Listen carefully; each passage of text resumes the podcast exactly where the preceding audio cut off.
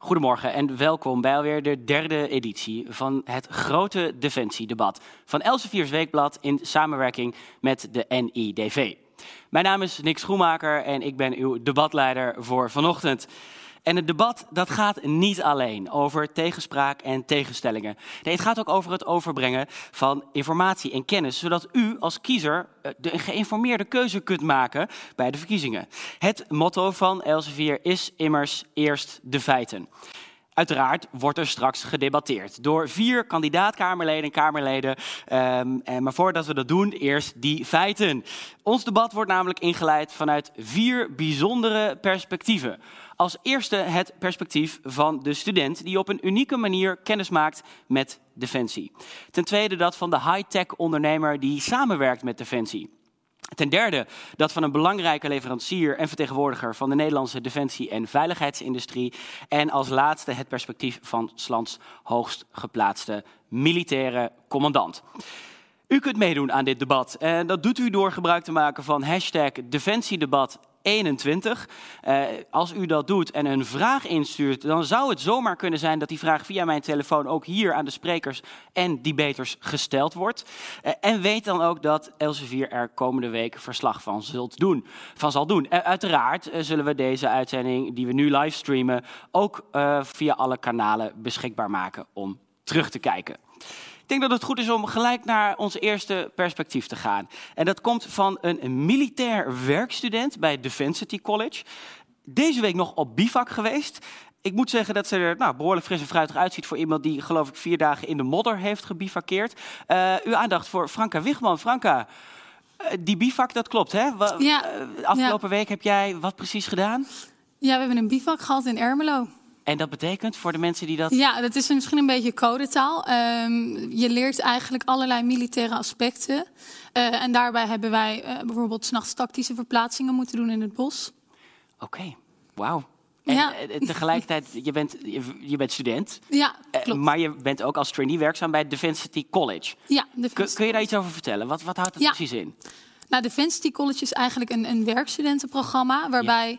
de focus ligt op het delen van kennis, innovatie uh, op een duurzame manier. En dat gebeurt is aan de hand van een militair vormingsprogramma en een beetje een individueel vormingsprogramma. Oké. Okay. En dat militaire vormingsprogramma dat is onder andere uh, een BIVAC of een AMO. Dat is de algemene uh, militaire opleiding. Ja. Dus je krijgt allerlei dingen als brandpreventie, ZKH, wat eigenlijk een soort EHBO is. Dus dat is, uh, ja, dat is het militaire vormingsprogramma in het kort. Wauw, en uh, dat, dat, dat koppel jij dus ook aan een individueel vormingsprogramma. Wat houdt dat dan? Wat moeten we ons daarbij ja. voorstellen? uh, een individueel vormingsprogramma is een beetje op basis van je achtergrond, van je interesse, van je studie. En daar krijg je een werkplek op en die kies je zelf of mensen helpen je daarbij. Ja. Uh, en momenteel doe ik dat bij de politie als een soort van pilot om te kijken van hey, kunnen defensie en politie eigenlijk niet uh, beter samenwerken of op een grotere schaal samenwerken. Um, dus bijvoorbeeld brand, brandpreventie. Waarom doen we dat niet op grotere schaal met brandweer, politie en defensie?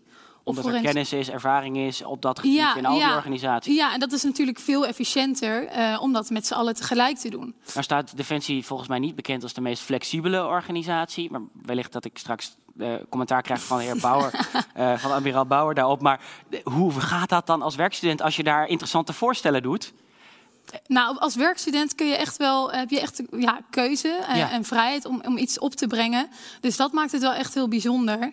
Ehm, dus vandaar ook dat die pilot bij de politie eh, nu loopt. En eh, iets anders wat ik bijvoorbeeld heb gedaan binnen het werkstudentenprogramma is eh, op het gebied van duurzaamheid. Ja. Want ook dat is natuurlijk een belangrijke pijler. Want duur, hoe duurzamer we eigenlijk bijvoorbeeld bij de marine varen, hoe langer je operationeel inzetbaar bent. Klimaatverandering heeft natuurlijk effect op uh, extreme weeromstandigheden, wat weer effect heeft op operationele inzet. Um, en daar heb ik bijvoorbeeld bij Oceans X een, een serious game programma eigenlijk voor de verduurzaming uh, van de maritieme sector uh, ondersteund. En het, het, eigenlijk het Defensity College voorbeeld hierbij was dat ik toen toch wel vanaf Den Helder met de Pelikaan naar Curaçao ben gevaren. Om um, die interactie en awareness uh, eigenlijk aan boord op gang te brengen. Wat betreft duurzaamheid binnen Defensie. En dat was toen eigenlijk echt wel een, een goede stap in, uh, ja, in de goede richting. Want duurzaam defensie, dat wordt natuurlijk steeds belangrijker.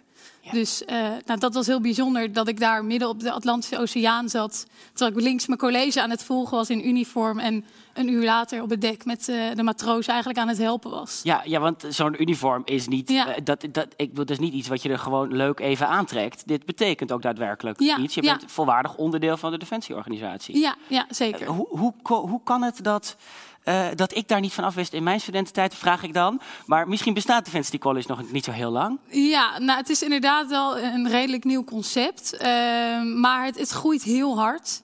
Het is echt, uh, vooral natuurlijk in studentensteden, is het echt bekend. Ja. en je merkt ook steeds meer dat bij de verschillende, want je werkplek is bij een, een bij een bepaald onderdeel, bij Ja. een bepaalde krijgsmacht. En dat ze daar steeds meer kennis maken met, hé, hey, dit is Defensie College. En dat is enorm waardevol, omdat wij uit de theorie eigenlijk de vruchten plukken van onze studies. Ja. En in praktijk eigenlijk zien van, hé, hey, met de theorie werkt dit in praktijk. En de praktijk laat eigenlijk zien, dit mist nog in de theorie.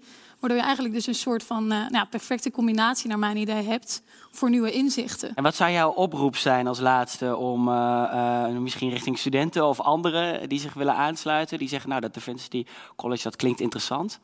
Ja, nou, ik zou het vooral doen. Dat is echt uh, de, de, grote boodschap. Want het is natuurlijk heel bijzonder, een soort van dubbelleven wat je eigenlijk ja. hebt. Want je kan vier dagen op bivak in het bos liggen... en op dag vijf zit je netjes achter je college... Uh, alle notities weer uh, bij te werken. Ja. Dus dat is heel bijzonder. Oké, okay, dus de, de, de, mensen, ik neem aan dat als er gegoogeld wordt op ja. College... dan vindt men dat. Ja. En als je student bent aan een hoger onderwijsinstelling... dan kun je daar in principe gewoon aan deelnemen. Ja. Oké, okay, mooi. Dankjewel, Franke Wigman. Um, ja, we gaan naar onze volgende spreker alweer. Heine Othoff, co-founder van T-Engineering. Uh, jij gaat ons iets vertellen over je ervaringen uh, in, in de samenwerking met Defensie. Uh, iets over T-Engineering zelf ook, want we hebben ook een prachtig ja, schaalmodel wat jij hebt meegenomen. Klopt. waar je over, ons iets over kan vertellen. Maar vertel ons eerst even, T-Engineering, wat doen jullie precies? Wij zijn ongeveer tien jaar geleden gestart met het ontwikkelen en het produceren en ook het lanceren van raketsystemen. In eerste instantie voor wetenschappelijk onderzoek, hè, voor observatie vanuit de ruimte, vanuit de lucht. Um, maar we zien steeds meer aansluitingen voor uh, naar defensie toe. Ja, en, en we hebben hier, ik denk dat het wel even in beeld gebracht kan Ja. worden. We hebben hier een enorm schaalmodel. Je bent ook vanochtend door Den Haag met dit schaalmodel uh, gewoon Nieuwspoort binnengewandeld.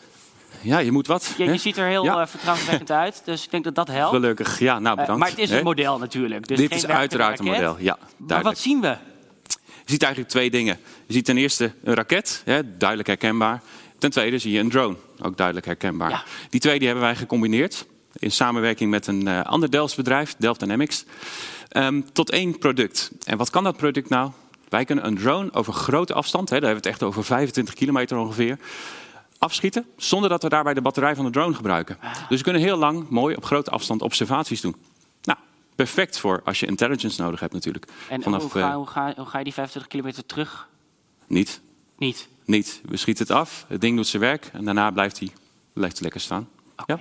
Ja. Het, het, ehm, het lijkt me al ingewikkeld genoeg om zoiets eh, eh, te bedenken. Mhm. Eh, ik zou zeggen, ga lekker terugzitten dan. Ja, of, je- tuurlijk. of wil je er nog wat over vertellen? Nou, nee hoor. Nee, Nee, oké. nee, nee, het spreekt voor zichzelf, hè? Ja. Zoals je ziet. Ja. Eh, ingewikkeld om het te bedenken, maar eh, om het dan daadwerkelijk te ontwikkelen in Nederland, daar heb je partners zoals Defensie nodig. Ja. Hoe ziet die samenwerking daaruit? Nou, ten eerste heb je natuurlijk kennis nodig. Hè? En die hebben wij opgedaan, onder andere op de Technische Universiteit Delft. Ja. Ehm, maar daarnaast, ja, we hebben gewoon bepaalde dingen nodig binnen die ontwikkeling om het tot een echt product te maken. En Defensie heeft daar ons fantastisch in ondersteund. Eh, we hebben onder andere een paar demonstratielanceringen kunnen uitvoeren. Nou, je kunt je voorstellen, dichtbevolkt Nederland, dat kan eigenlijk nergens. Er zijn maar enkele plekken waar dat kan. En eh, Defensie heeft van die terreinen. Ja. En Defensie heeft het personeel om dat in samenwerking met ons op een heel veilige en gecontroleerde manier te kunnen doen. En die lanceringen die hebben we dus uitgevoerd en daarmee kunnen laten zien dat het concept inderdaad eh feasible is. Ja. Ja, en zo gaat het ook verder. In, eh, zo hebben we meer projecten lopen waar we inderdaad gebruik maken van de unieke faciliteiten en capabilities. En ook de kennis van het personeel van Defensie. En dat werkt fantastisch. En als jij nu een oproep zou moeten doen, eh, misschien gekoppeld aan je eigen ervaringen met Defensie, wat zou die oproep dan zijn? Mijn oproep. Nou, Defensie is natuurlijk een ontzettend grote organisatie.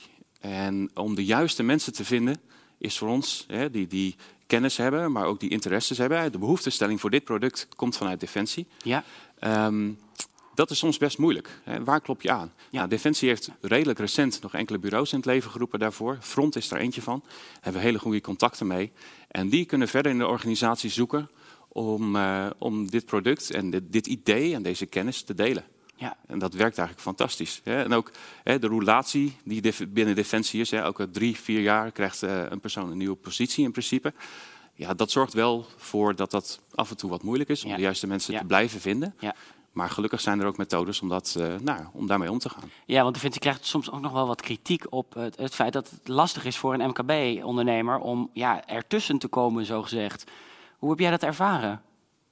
Nou, het viel ons eigenlijk wel mee. We hebben ook inderdaad dezelfde verhalen gehoord. Ja. En eigenlijk als je ermee bezig bent, eh, het punt is gewoon, er zitten heel gedreven, gemotiveerde en ook mensen met heel veel kennis binnen Defensie.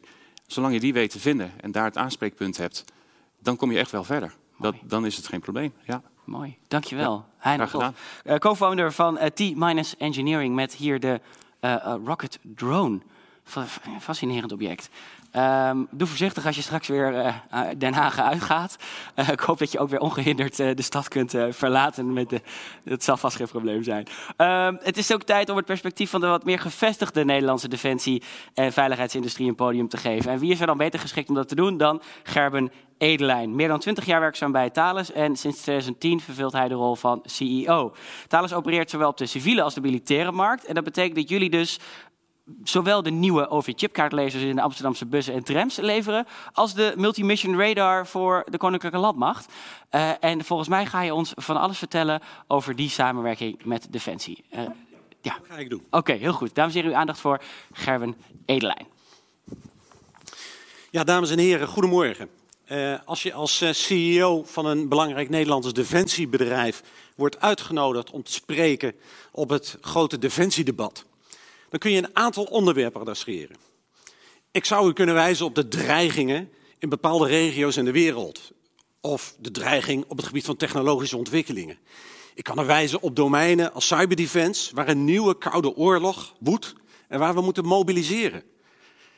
Ik kan de gevolgen benoemen van de grote begrotingsdruk, waardoor er geen geld is voor de juiste bewapening van nieuwe schepen.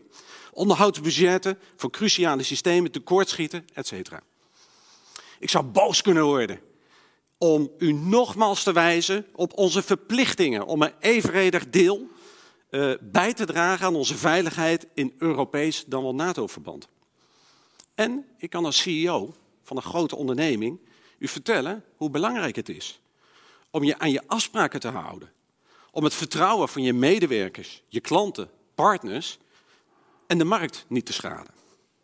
U begrijpt het dan. Dat ga ik allemaal niet doen. Al die punten zijn bekend. Voor sommige onderwerpen zijn er zelfs internationale veiligheidsexperts die dat echt veel beter kunnen dan ik. Ik denk zelfs dat de hier aanwezige politici het met mij eens zijn dat het budget voor defensie omhoog moet, omdat wij als een on zichzelf respecterend land niet kunnen blijven leunen op de sterke schouders van anderen. Uiteraard wil ik wel graag helpen bij de formulering van de defensieparagraaf in het aankomende regeringsakkoord. Daarom wil ik het u, met u vandaag hebben over Thales. De reden waarom wij toonaangevend zijn op radartechnologie en in internationaal eh, verband worden geroemd vanwege het Nederlands maritieme cluster. Het boegbeeld van dit succes is Nederland Radarland. Volgend jaar bestaat onze samenwerking met Defensie, de kennisinstellingen in Nederland, TNO, NLR, 20 jaar. Door middel van een gerichte roadmap en investeringen werken wij aan technologie die over 10 jaar in producten op de markt gaat komen. Op die manier kunnen wij onze radars niet alleen leveren aan de Nederlandse marine, maar ook aan de landmacht en ook uh, zelfs aan de luchtmacht. Denk hierbij aan de lange afstandsradar, die zowel door de marine als de luchtmacht wordt gebruikt, maar ook aan de radars in de geïntegreerde mast op de patrouilleschepen en de multimissile radar van de landmacht. Onze Nederlandse markt is klein.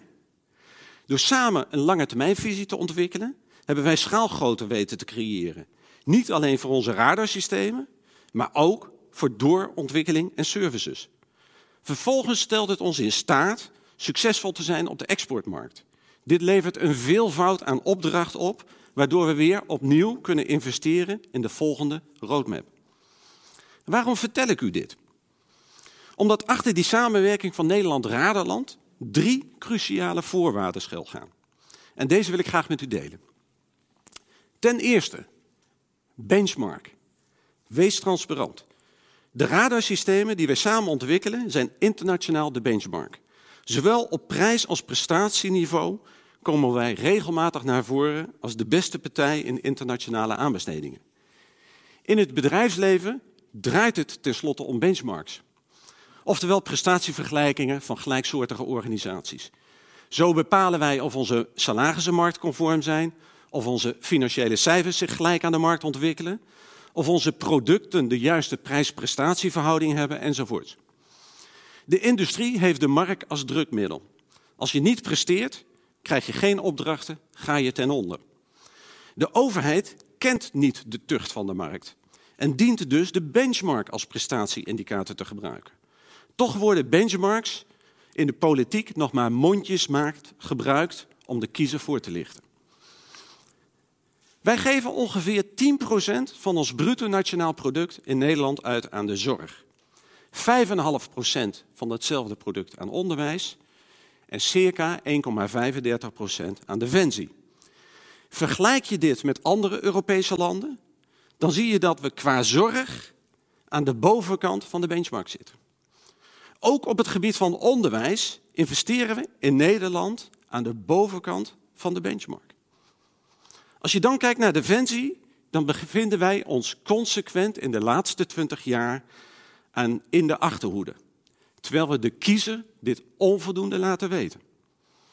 Nu is budget een inputparameter en draait het uiteindelijk om de output. En ook daar kun je middels een benchmark beter beoordelen of we waar voor ons geld krijgen.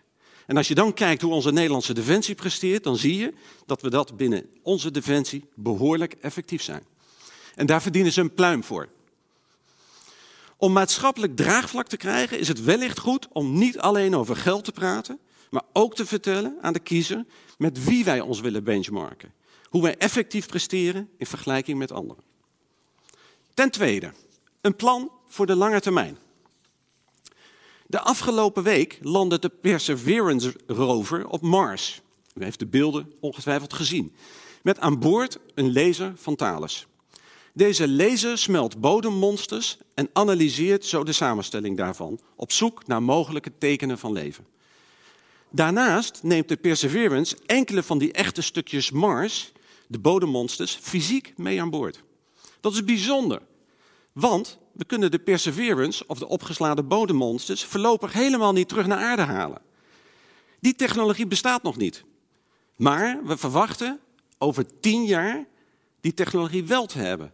En op die wijze denken we vooruit. Zo werken ook onze radar-roadmaps, die we samen met Defensie en de kennisinstituten ontwikkelen. Een schip dat we vandaag ontwikkelen, wordt over vijf jaar te water gelaten en moet over dertig jaar nog steeds bestand zijn tegen de dreigingen die vandaag we wellicht nog niet eens kennen. Vanuit de politiek moeten we op die manier gaan denken wanneer het gaat over defensie. We moeten nu al rekening houden met de stip op de horizon, terwijl daar nog helemaal geen weg naartoe is. En dat kun je niet als je alleen naar de volgende kwartaalresultaten kijkt of naar de waan van de politieke dag. Zo'n proces, proces is gebaat bij lange termijn cycli. Een continu ontwikkelende gedeelde visie op dreigingen, de krijgsmacht en de rol van de industrie. Ik pleit dan ook voor een innovatieagenda met bijbehorende middelen die dit soort ontwikkelingen ook mogelijk maakt op andere treinen dan alleen de Radar Roadmap. En niet afhankelijk is van de budgetoverwegingen van vandaag. Zeker op het gebied van cyberdefense en overige gebieden waar behoeftestelling, innovatiekracht en verdienmodel elkaar ontmoeten, daar kunnen we samen Nederland veiliger, sterker en beter voorbereidingen op de dreigingen van morgen. Ten derde, innoveer sneller. De huidige werkwijze van softwareontwikkeling, vaak aangeduid met agile werking, is diametraal anders dan de wijze waarop de meeste defensieontwikkelingen gebeuren. Wij hebben geleerd dat agile werking op bepaalde terreinen heel goed werkt. En waar we zeer complexe ontwikkelingen ook zijn beperkingen kent. Zo kun je een onderzeeboot niet agile ontwikkelen. Toch kun je wel leren van de huidige manier van ontwikkelen. We moeten niet meer alles zelf willen doen. De huidige gereedschapskist van de softwareontwikkelaars bevat een veelheid aan gereedschappen waar menig vakman in de gouden eeuw jaloers op zou zijn geweest.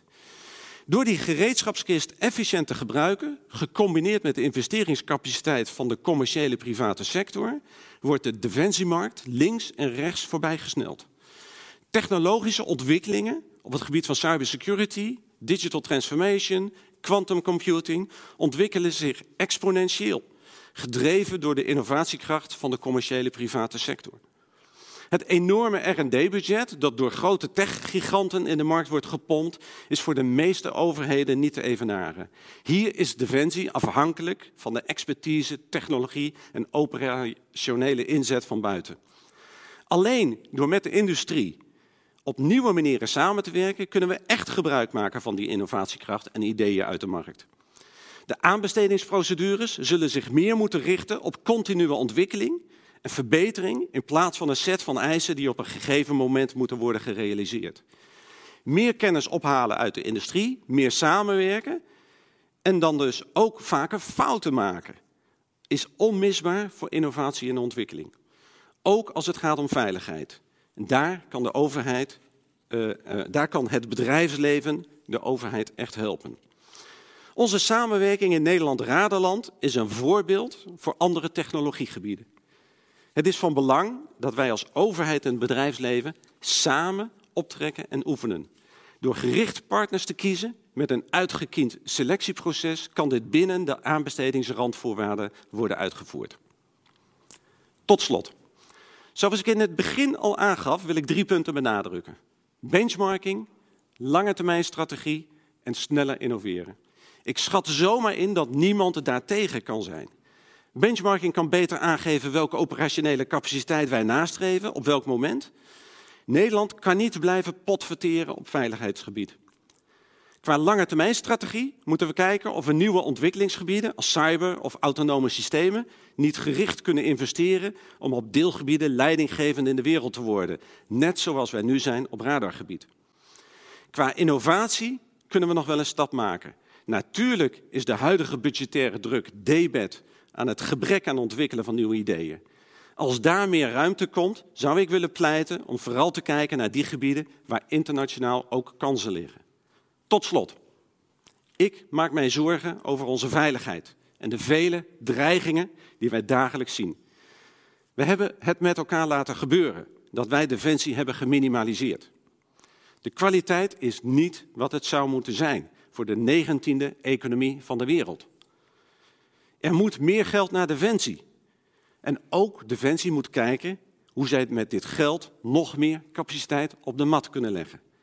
Door slim samen te werken binnen ons ecosysteem en onze natuurlijke aanleg tot efficiëntie, zouden wij in de wereld top 10 van veiligheid moeten kunnen doordringen. Ik dank u wel. Dank, Gerben Edelijn, CEO van Thales. Uh, Gerben, ik zou zeggen, uh, neem nog even plaats aan tafel. Um, benchmarking, lange termijn en sneller innoveren. Dat uh, was uh, partij van jouw uh, verhaal. Je vertelde iets over die deelgebieden die mogelijk relevant zijn. Aan welke deelgebieden moeten wij dan denken? Nou, je moet keuzes maken, want ook al zijn we de 19e economie in de wereld, we zijn nog steeds niet de eerste economie in de wereld. Dus ons budget is natuurlijk kleiner dan dat van Amerika of China. Um, en dan moet je je wel, is het logisch om je te richten op nieuwe gebieden. Ja. Wel, daar liggen ook veel meer kansen. Daar moet je ook sneller ontwikkelen. En ik heb genoemd cyberdefense, autonome systemen. Ja. Dat zijn beide gebieden die heel sterk in ontwikkeling zijn. En als je daar dus voorop loopt, dan kun je ook een groter gedeelte van de wereldmarkt adresseren. En dat is dus ook interessant voor het bedrijfsleven. Ja, dank. We gaan naar ons laatste perspectief uh, in, dit, uh, uh, in dit programma. Voor we naar het daadwerkelijke debat gaan met de politici. en dat wordt gebracht door de volgende spreker. Die in 1981 zijn loopbaan bij het Koninklijk Instituut voor de Marine begon. Twintig jaar lang verschillende operationele functies op zee vervulde. En vanaf 2015 de rol van plaatsvervangend commandant der strijdkrachten innam. Sinds 2017 is hij lands hoogst geplaatste militair. Graag uw aandacht voor luitenant-admiraal, de commandant der strijdkrachten, Rob Bauer.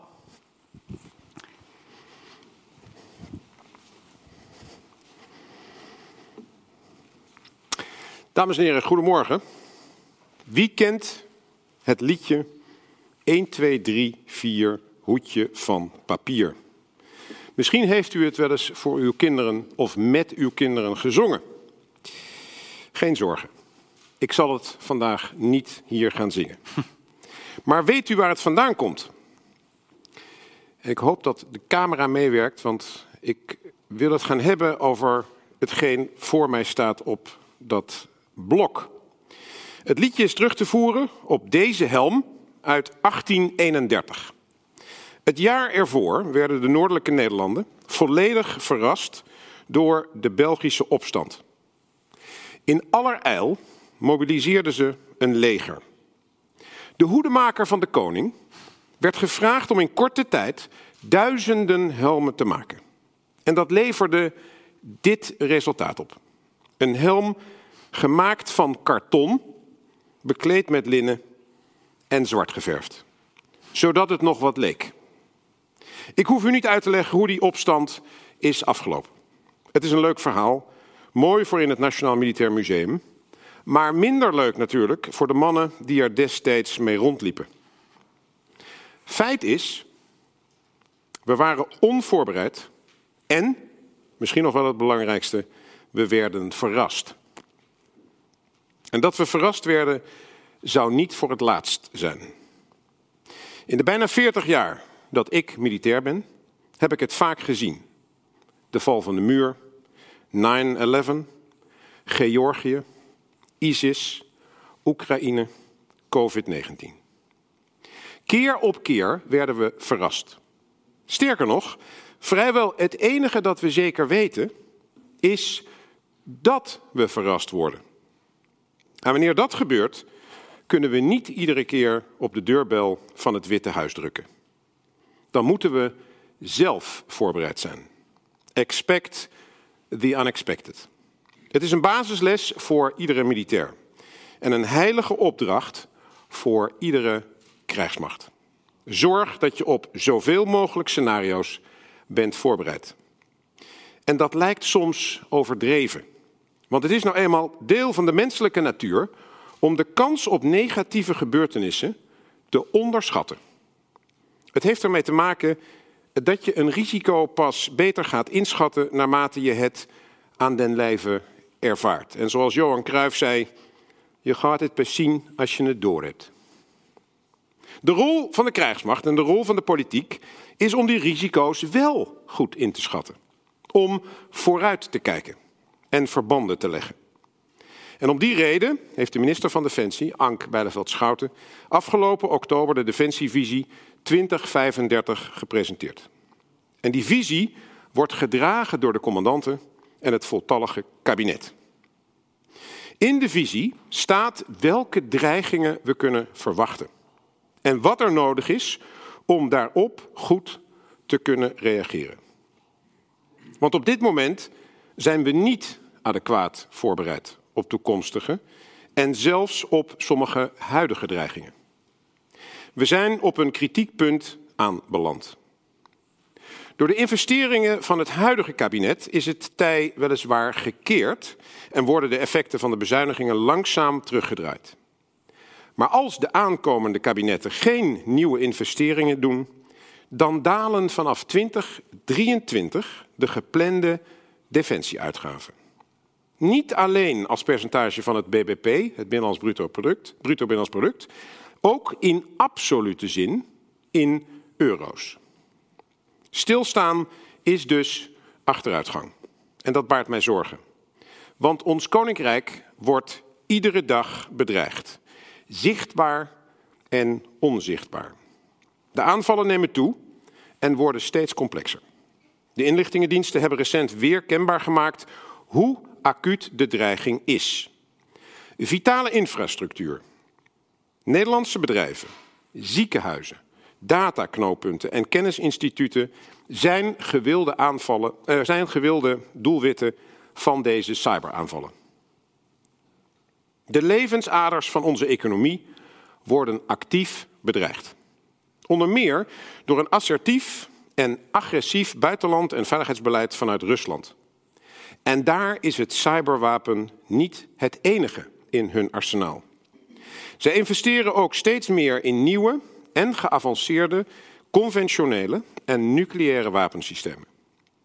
Maar die levensaders worden ook bedreigd door actieve economische spionage en verstoring vanuit China. In de defensievisie is uitgerekend wat er de komende 15 jaar nodig is om die dreigingen het hoofd te bieden. En schrikt u niet. 13 tot 17 miljard euro bovenop het huidige defensiebudget. Structureel. Alleen dan kan Defensie aan onze nationale en internationale verplichtingen voldoen. De afspraak om 2% van het BBP aan Defensie te besteden wordt in diverse verkiezingsprogramma's genoemd. En dat doet mij deugd. Er lijkt zelfs een ruime politieke meerderheid te zijn om de komende kabinetsperiode in elk geval het Europese gemiddelde van 1,9% om daar naartoe te groeien. En dat is hoog tijd. Want het Nederlandse defensiebudget zit nu op 1,49% van het bruto binnenlands product.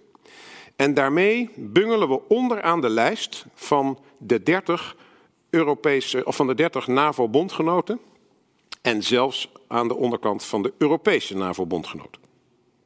De belofte die Nederland in 2014 aan haar bondgenoten deed en sindsdien vier keer vanuit het hoogste politieke niveau is herhaald, wordt niet nagekomen.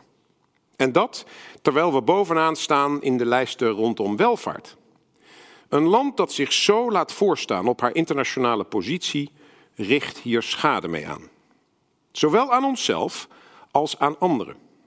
We kijken soms streng en argwanend naar andere landen, waar beloftes over hervormingen niet altijd gepaard gaan met politiek commitment. Maar nu zijn wij het die ons niet aan de afspraken houden. En dat betekent dat andere landen de gaten moeten dichtlopen. Het niet nakomen van beloftes slaat de bodem weg onder al onze allianties. En daarmee onder onze eigen veiligheid. Samenwerking binnen de EU en binnen de NAVO, of het nou gaat om ontwikkelen, aanschaffen of specialiseren, kan alleen maar slagen als partijen een rotsvast vertrouwen hebben in elkaar. En niet afhaken als het een jaar later politiek niet opportun is. In de afgelopen weken heeft minister Bijleveld in interviews aangegeven dat er onder het volgende kabinet 4 miljard euro structureel bij moet komen. 4 miljard euro extra om de defensieorganisatie te herstellen, vernieuwen en versterken. En let wel, dat is geen geld dat we overmaken naar een anonieme NAVO-bankrekening. Dat is geld dat we investeren in onze eigen defensie. Oftewel in uw en mijn veiligheid. Met 4 miljard extra komen we uit op het Europees NAVO-gemiddelde. Dat zou een stap in de goede richting zijn. Maar ook daarna zijn we er nog niet. Daarna zijn nog stappen nodig voor we ons aan alle gemaakte afspraken houden. We horen maandag van het CPB welke bedragen de politieke partijen aan hun plannen koppelen. En vandaag vraag ik aan de start van dit verkiezingsdebat: geef de krijgsmacht langdurig duidelijkheid. Zowel voor het budget als voor de koers. Want er is meer nodig dan alleen geld. Ook dat is in de Defensievisie 2035 beschreven. Defensie moet een grote omslag maken. In de kern komt het neer op digitalisering van het slagveld.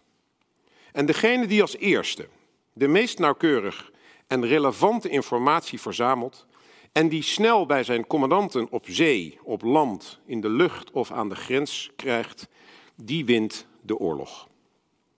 Als een F-35 nu boven de Baltische Zee vliegt, gaat zijn verzamelde data naar de luchtmacht. Maar die data moet ook naar een fregat kunnen die een week later door de Baltische Zee vaart.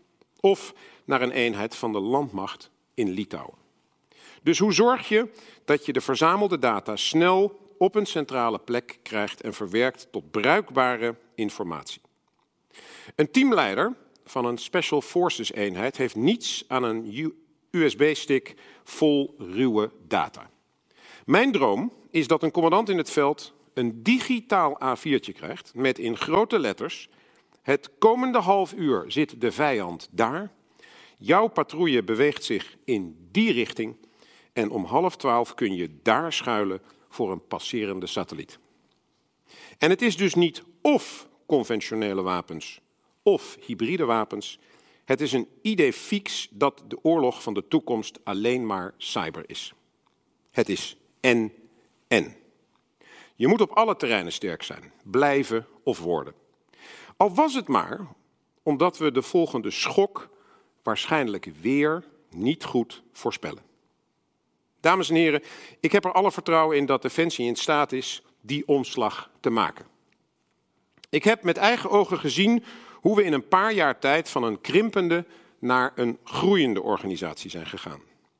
En daarom heb ik vandaag nog een tweede helm meegenomen. Dankjewel. Ik hoop dat die zo in beeld is. Deze gevechtshelm is vorige maand voor het eerst uitgereikt aan landmachteenheden die op missie gaan. En ik laat het ook even aan de Kamerleden zien, want het is belangrijk dat we die stap maken. En hij is gelukkig niet van karton, maar nog steeds licht. En nu met een goede bescherming. En met de mogelijkheid om een nachtkijker, een lampje of een camera er bovenop te klikken. Deze helm is onderdeel van een project dat al bijna tien jaar loopt. En dat is enorm lang, dat geef ik direct toe. Maar bedenk even dat er voor 46.000 militairen individuele sets gevechtsuitrusting moeten komen. Met bijvoorbeeld de keuze uit acht type laarzen van drie verschillende merken. En dan begrijpt u, we zijn een organisatie van de lange termijn. En dat is eigenlijk de hele reden waarom ik u vandaag graag wilde toespreken. Want toen ik de uitnodiging kreeg, heb ik heel even geaarzeld. Het is niet aan militairen om zich openlijk te mengen in politieke debatten. Wij gaan waar u ons stuurt.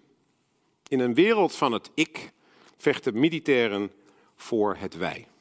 En zo hoort het ook. Net als een dokter iedere patiënt zal behandelen, beschermen wij iedere burger. Ook burgers die niet veel met defensie op hebben. En het enige wat wij vragen is dat de politiek ons in staat stelt om dat belangrijke werk goed te doen. Laat onze veiligheid wat waard zijn. Maak onze mannen en vrouwen in uniform duidelijk dat de offers die zij brengen gezien en gewaardeerd worden. En niet alleen met woorden, niet alleen met medailles, maar met politiek commitment, zowel op de koers als op het budget. Want zij zijn het die zorgen dat Nederland voorbereid is. En die ook in de donkerste scenario's weten hoe ze moeten doorpakken. Dat hebben we in de COVID-crisis weer kunnen zien. Zij zijn in staat om als die verrassing komt, en die komt onvermijdelijk, te blijven handelen. Met daadkracht, flexibiliteit, ik zeg het toch maar even, flexibiliteit, en een ongekend opofferingsvermogen.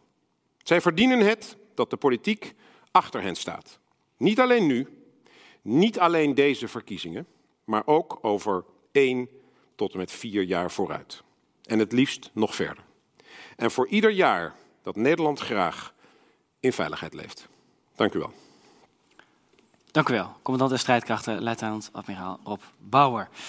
Um, er zijn wat vragen binnengekomen, die zou ik ook wel willen voorleggen. En wellicht ook aan de andere sprekers nog een korte vraag. Uh, via Twitter zijn er een aantal dingen binnengekomen. En wat we onder andere zien is dat mensen zeggen... ja, wij vrezen toch dat Defensie weer het kind van de rekening wordt. Want corona, de economie, de zorg, woningbouw, klimaat... moet uh, allemaal voorrang krijgen. Of nou, dat zegt tenminste deze vragensteller op Twitter. Die krijgen allemaal voorrang. En hoe gaan we dan zorgen dat er toch voldoende ruimte voor defensie overblijft. Ik zei net al, het is niet echt een, aan mij om in een nee, debat te... maar laat ik voor de Kamerleden dan in ieder geval een paar voorbeelden geven... Uh, van landen die ondanks COVID en ja. ondanks dezelfde hoge uitgaves... die er ook in die landen gedaan zijn om de economie overeind te houden... uh, extra budget gaat naar defensie. En dat zijn niet alleen maar traditionele landen, maar een land als het VK, 40% erbij. Een land als Zweden, 40% erbij. En het gaat dus niet alleen over kunnen we het betalen. Mhm. Het gaat om, vinden we het belangrijk genoeg? Het gaat hier over ja, de politieke keuzes. Uh, we, zijn, we zijn de 19e economie van de wereld, dus het verhaal dat we iets niet zouden kunnen betalen is onzin. Het is een keuze waar we ons geld aan uitgeven en dat is een politieke keuze. Ja. In, in het interview met, met EW van, van onlangs, dat u uh, heeft, uh, heeft gegeven, uh, dat sloot af met het volgende citaat. Een opdracht als begin van de uitvoering in plaats van als het begin van een discussie. Dat is voor veel buitenlanders, buitenstaanders moet ik zeggen, sorry, een openbaring. Dus een opdracht als begin van de uitvoering in plaats van het begin van een discussie is voor veel buitenstaanders een openbaring. Het klinkt als een daadkrachtige politicus met een visie voor Nederland. Nou, een politicus, uh, politicus ben ik echt niet. Uh, uh, dus dat, Ook niet in de toekomst? Nou, het lijkt me heel erg onwaarschijnlijk. Ik heb wel eens tegen iemand gezegd: als je merkt dat ik richting de Tweede Kamer weeg, dan moet je me echt serieus tegenhouden. Ehm, maar het is op zich. Ehm, kijk, het is, een, het is eigenlijk een constatering wat ik daar deed. Hè, dat je ehm, merkt dat het voor heel veel mensen een verademing is dat we gewoon dingen gaan doen als het moet. Uh, en uh, je ziet door uh, dat we zo veel regels kennen in Nederland, we zijn denk ik voor een deel overgereguleerd, omdat we met z'n allen ook ehm, denken dat we alles naar nul risico moeten terugbrengen. We zijn bijna niet meer bereid om te accepteren dat ons soms dingen overkomen. en dat we vervolgens naar bevindt van zaken moeten handelen. En in de ziekenhuizen waar wij geholpen hebben, zag je dat heel sterk. Daar, is, daar zijn zoveel regels en protocollen en dingen komen samen, dat mensen nog eigenlijk maar een heel dun lijntje hebben om over te lopen om hun werk te doen. En door COVID stonden ze naast het lijntje. En wisten ze eigenlijk niet meer hoe ze verder moesten. En omdat wij gewend zijn in chaos te opereren, uh, want dat is het kenmerk van oorlog. Uh, zeggen wij dan, je moet gewoon die kant op lopen. Ja, maar dat is niet over het lijntje. Ja, dat is jammer, maar het lijntje is nu niet meer belangrijk. Want de pandemie dwingt je om de dingen anders te doen. En dus niet meer de protocollen te volgen, maar om verstandig, pragmatisch te handelen. En dan zetten we mensen in beweging en dan zien ze dat dat ook werkt en dat er eigenlijk niks fout gaat. Sterker nog, dat ze weer in beweging komen, dat ze patiënten kunnen helpen. En dat is wat we gedaan hebben voor een belangrijk deel dingen weer in beweging zetten. En na een tijdje gingen we dan dus ook weer weg. En dan gingen we ergens in een verzorgingstehuis werken. Waar mensen wel regels hadden afgesproken, maar ze niet naleefden. En wij dan gebruikt zijn eigenlijk om te zorgen dat mensen die daar werken zich aan de regels gingen houden. Het is allemaal relatief eenvoudig. Maar, het moet wel gedaan kennelijk ingewikkeld om ja. voor elkaar te krijgen. Ja. Ik zou u, ik zou u ook nog allemaal nog heel veel vragen willen stellen. Ik denk dat ook, uh, ik zie ook een paar vragen er nog wat binnenkomen, maar ik kijk ook naar de klok, want wij, het is een debat. Het is het grote defensiedebat.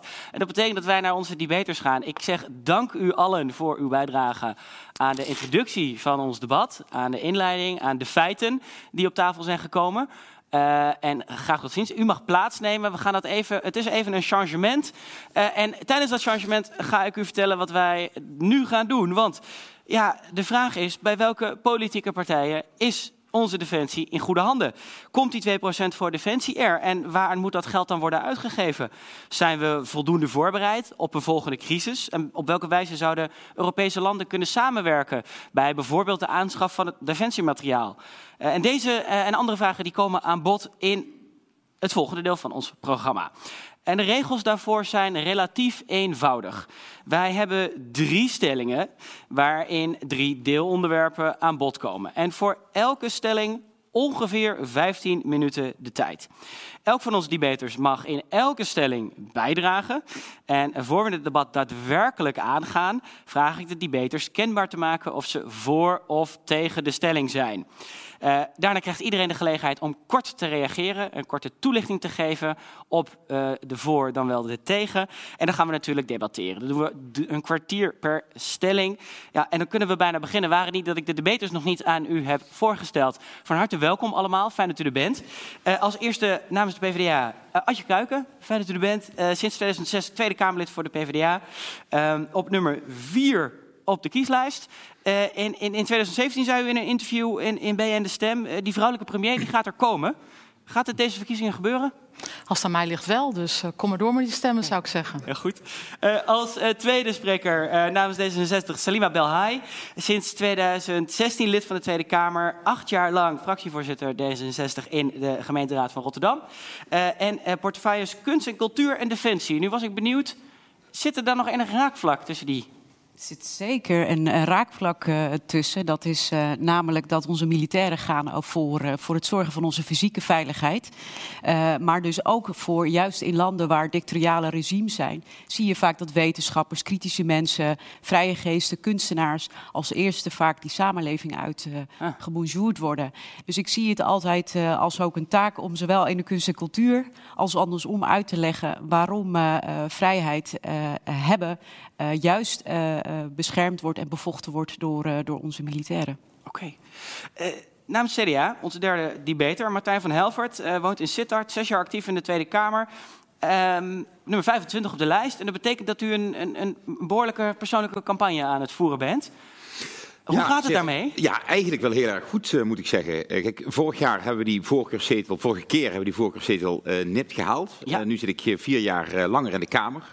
En ik moet zeggen, heel veel vrijwilligers zijn enthousiast aan de gang, ook nu, terwijl ik dit debat doe, om te zorgen dat we 25.000 stemmen uh, kunnen toevoegen aan de CDA-lijst, maar dan op nummer 25. Want dat is de schatting dat u die 25.000 stemmen nodig heeft om met voorkeurstemmen in de Kamer te komen. Nou, het zijn er iets minder, het zullen er 18.000 zijn. Maar voor de zekerheid? Wij, wij, willen, ja, we willen wel zekerheid. Oké, okay, dus, heel ja. goed.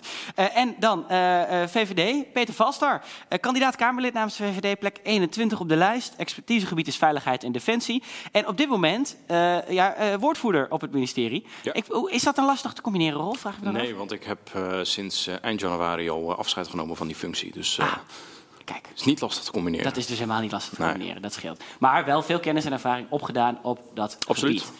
Uh, en dat gaan we waarschijnlijk terug horen in het debat, want u heeft allen veel kennis en ervaring op het gebied van defensie en veiligheid. En daar gaan we het over hebben. Ik zei het al, drie stellingen. Um, en we gaan gewoon beginnen met de eerste stelling. En dan mag u als eerste aangeven, allemaal met de rode en groene kaart die je uh, op uw uh, uh, tafel vindt, of u voor of tegen die stelling bent. En die luidt als volgt. Nederland is wat defensie betreft voldoende voorbereid op een geopolitieke crisis. Mag ik van u zien, voor of tegen? Allemaal tegen. Normaal heb je dan helemaal niet zo'n leuk debat. Uh, maar we gaan er toch wat van maken. Uh, want uh, ik ben wel benieuwd waarom. En ik ga even bij Martijn van Helvert beginnen.